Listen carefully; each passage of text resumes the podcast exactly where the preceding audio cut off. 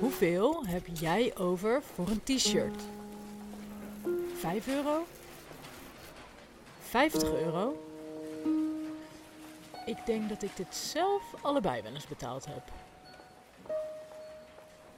En wat zou je betalen voor een goed pak? Of een chique feestjurk? Heb je er meer voor over als je weet dat hier zes weken lang met de hand fulltime aan is gewerkt? Denk je nu aan 300 euro? Zou jij ooit 4000 euro aan een pak of een jurk willen besteden? De tentoonstelling Oud Borduur is er.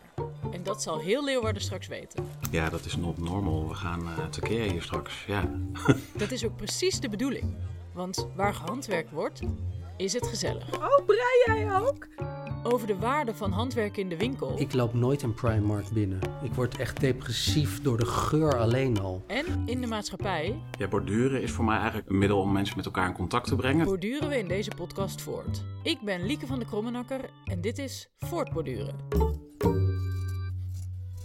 Um, goh, voorstellen is dan altijd heel lastig. Het is, bijna een soort spreekbeurt, hè? Een soort, ik ben Edwin Oudsorn en ik doe een uh, couturier, Zo ongeveer. Ja, ja, dat ja. Couturier Edwin Oudsorn leende een jurk uit aan Oud Borduur.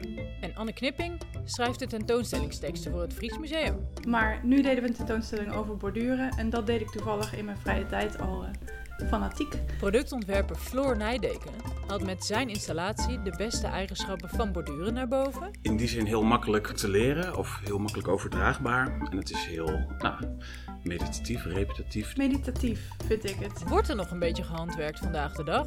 We vragen het Elsa Nijhoff. Ik ben uh, Elsa en uh, ik heb een breiwinkel. Nee, je moet echt rustig zijn. Echt heel rustig.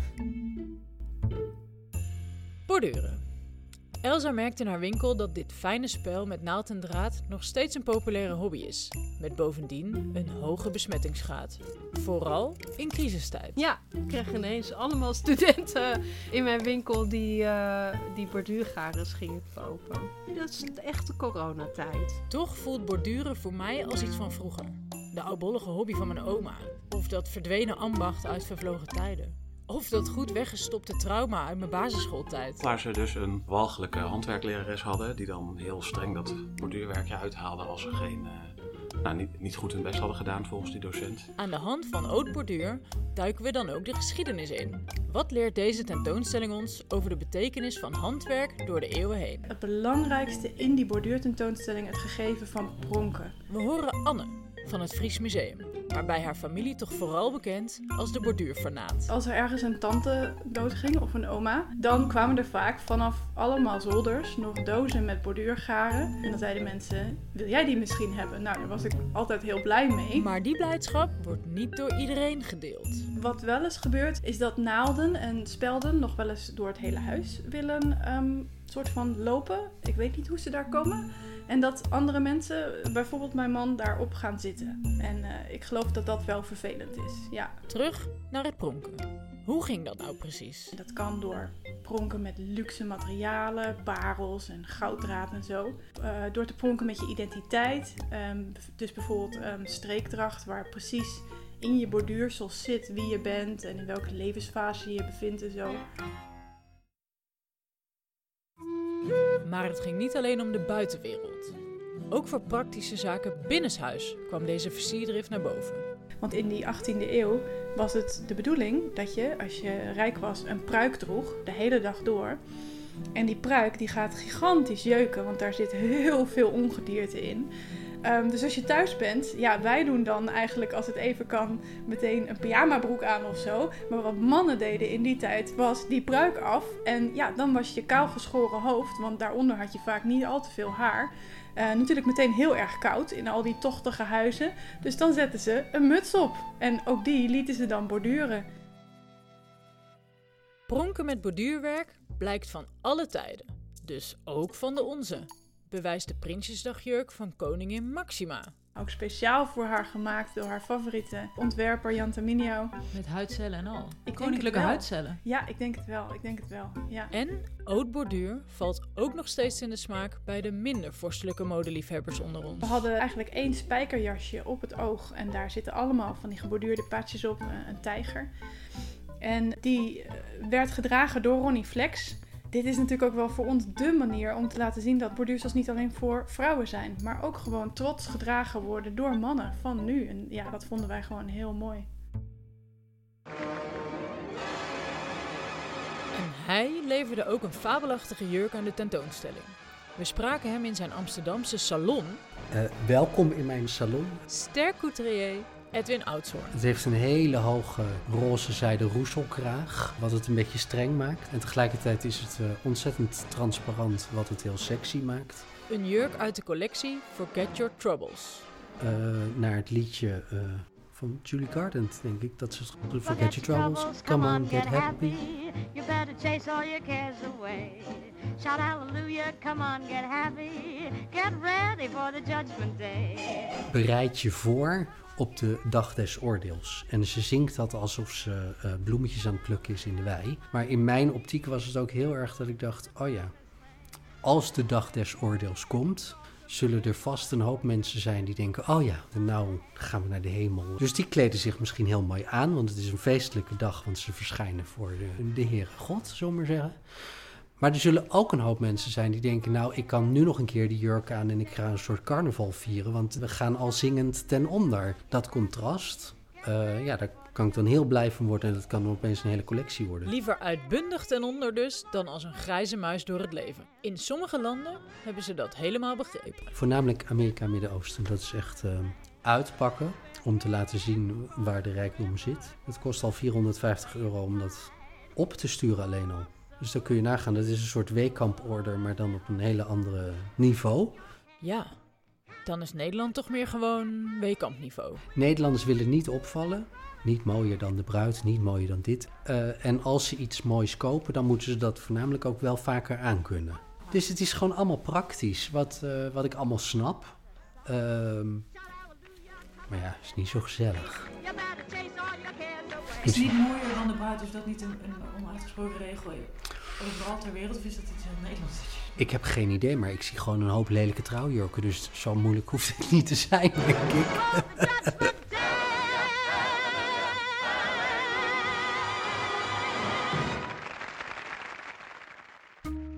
Hmm, een tikje on-Nederlands dus, dat gepronk met jezelf. Zijn we er misschien te bescheiden voor? Of gewoon te knieperig? Zeg nou zelf, stil jij als Calvinistische Hollander je textielhonger ook niet liever met goedkope fast fashion dan met peperdure couture? Ben je trouwens benieuwd naar de zojuist besproken jurk van Edwin? Kijk dan op friesmuseum.nl slash podcast. Daar is alles uit deze podcast te zien. Terug naar Leeuwarden. Want hoe krijgt ontwerper Floor Nijdeken ons nou eigenlijk aan het borduren? Ehm, nou, ik heb een installatie gemaakt, een borduurtafel, of ik noem het ook wel eens sociale machine. Dus dan kunnen mensen gewoon random aanschuiven aan die tafel, heel laagdrempelig. Een sociale machine. Op de website kun je zien dat deze het midden houdt tussen een soort picknicktafel en een speeltoestel in de vorm van een klein huisje. Met een borduurstramien, klossen garen. Er zit één schaartje bij. Dus, dus je moet elkaar ook om het schaartje vragen om een stukje draad af te knippen. Een borduurtoestel als verbinder van mensen dus. Heb onthouden, was het dus vroeger ook iets wat je samen deed eh, om het vuur, bij wijze van spreken, in je, in je, in je tent. Ehm, of in je grot. dus dan kwam je lekker samen en je ging eh, samen iets maken. En iedereen die interesse heeft, is dus welkom in Floors eigentijdse borduurtempel. Ja, en daar hoor je allerlei verhalen en er zijn ook al wel vriendschappen ontstaan. Hij heeft ook al eens een keer in een oud stationnetje gestaan, in Delden bijvoorbeeld.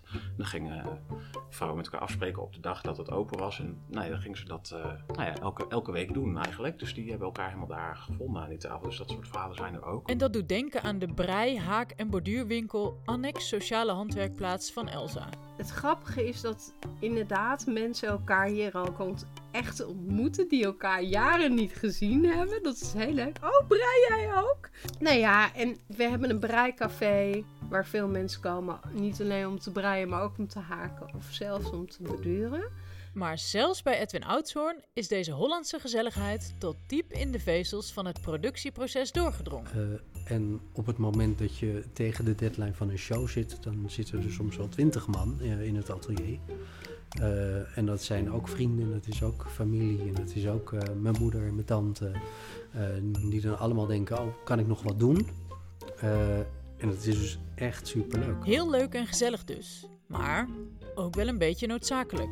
Want ik, ik, heb, ik heb hier jurken hangen waar gewoon ja, zes weken fulltime borduurwerk in zit. Dan denk ik, ja, als je dat fulltime iemand gaat betalen, ja, dan kom je wel op 20.000 euro voor een jurk. In die zin kunnen we de borduurtafel van Floor ook wel zien als een bewustwordingsmachine. Want ja, je gaat daadwerkelijk meemaken hoe iets gemaakt wordt. Ook al op een hele simpele manier, maar het maakt niet uit. Je krijgt begrip voor iets. En dan kijk je toch wel even met een andere blik naar wat er zoal in de winkel hangt. Nou, als je een shirtje bij de Primark kan kopen voor uh, een euro, dan moet er toch ook iets uh, gaan dagen van, oh jeetje, hoe kan, hoe kan dit? Ik loop nooit een Primark binnen. Ik word echt depressief door de geur alleen al. Dat ik denk, wat is dit voor teringzooi? En vooral in Nederland is dat denk ik wel interessant, want hier is altijd zo duur. Jemig, nou dat is eigenlijk altijd een reactie die je krijgt. Als je een, een, een t-shirt of een blouseje koopt voor 5 euro, dan weet je dat het ergens niet goed is gegaan. Ik bedoel, daar weet je. Oké, maar hoe bepaal je dan de waarde van handwerk in een winkel als die van Elsa? Ze kwam er maar niet uit toen een klant haar gevilte paasei wilde kopen. Nee, dit was ook echt een coronaklusje hoor. Het was echt gewoon, ja. Ja, maar je wil wel geld voor je ei. Ja, als ik zou zeggen 45 euro, dan zou ik mezelf enorm onderbetalen.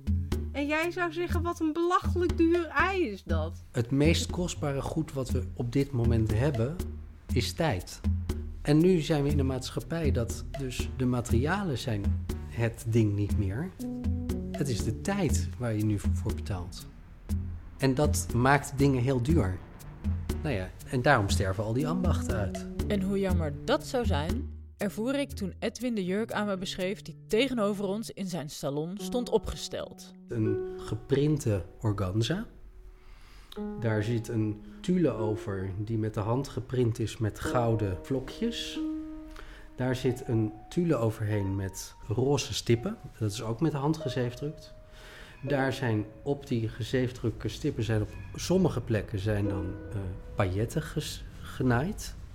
Uh, waardoor je sommige ziet glimmen en andere niet.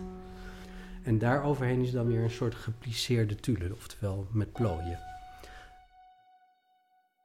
Door de jurk door Edwins ogen te zien, kun je hem eigenlijk pas echt op waarde schatten. Het is niet een geprinte bloemetjesjurk die we in elkaar hebben gestikt met een patroontje. Eigenlijk net als aan de tafel van Floor, waar je door voelt wat handwerk is. Want ja, je gaat daadwerkelijk meemaken hoe iets gemaakt wordt. En gelukkig is er goed nieuws. Nu is het wel zo dat eigenlijk elke crisis het handwerken wel goed doet.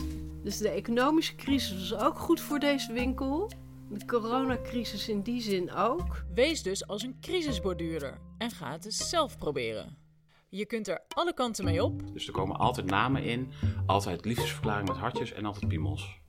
Altijd. En je kan vaak ook op vele complimentjes rekenen. Uiteraard. Ja, het is altijd leuk als je ergens heen gaat en je hebt iets aan dat geborduurd is. En mensen zeggen, oh, heb jij dat geborduurd? Of um, ze zeggen, oh, leuk borduursel. En dan, dan zeg ik, ja, uh, ik heb het zelf gemaakt. En dan zeggen ze, wat, echt? Maar je bent gewaarschuwd. Dan zie je wel echt hoeveel takken veel werk dat is. Ik mag het misschien helemaal niet zeggen in een podcast, maar het is echt tak veel werk. Deze podcast werd gemaakt door mij, Lieke van de Krommenakker en Alexander Weber. Grote dank aan Anne Knipping, Elsa Nijhoff, Floor Nijdeken en Edwin Oudshoorn.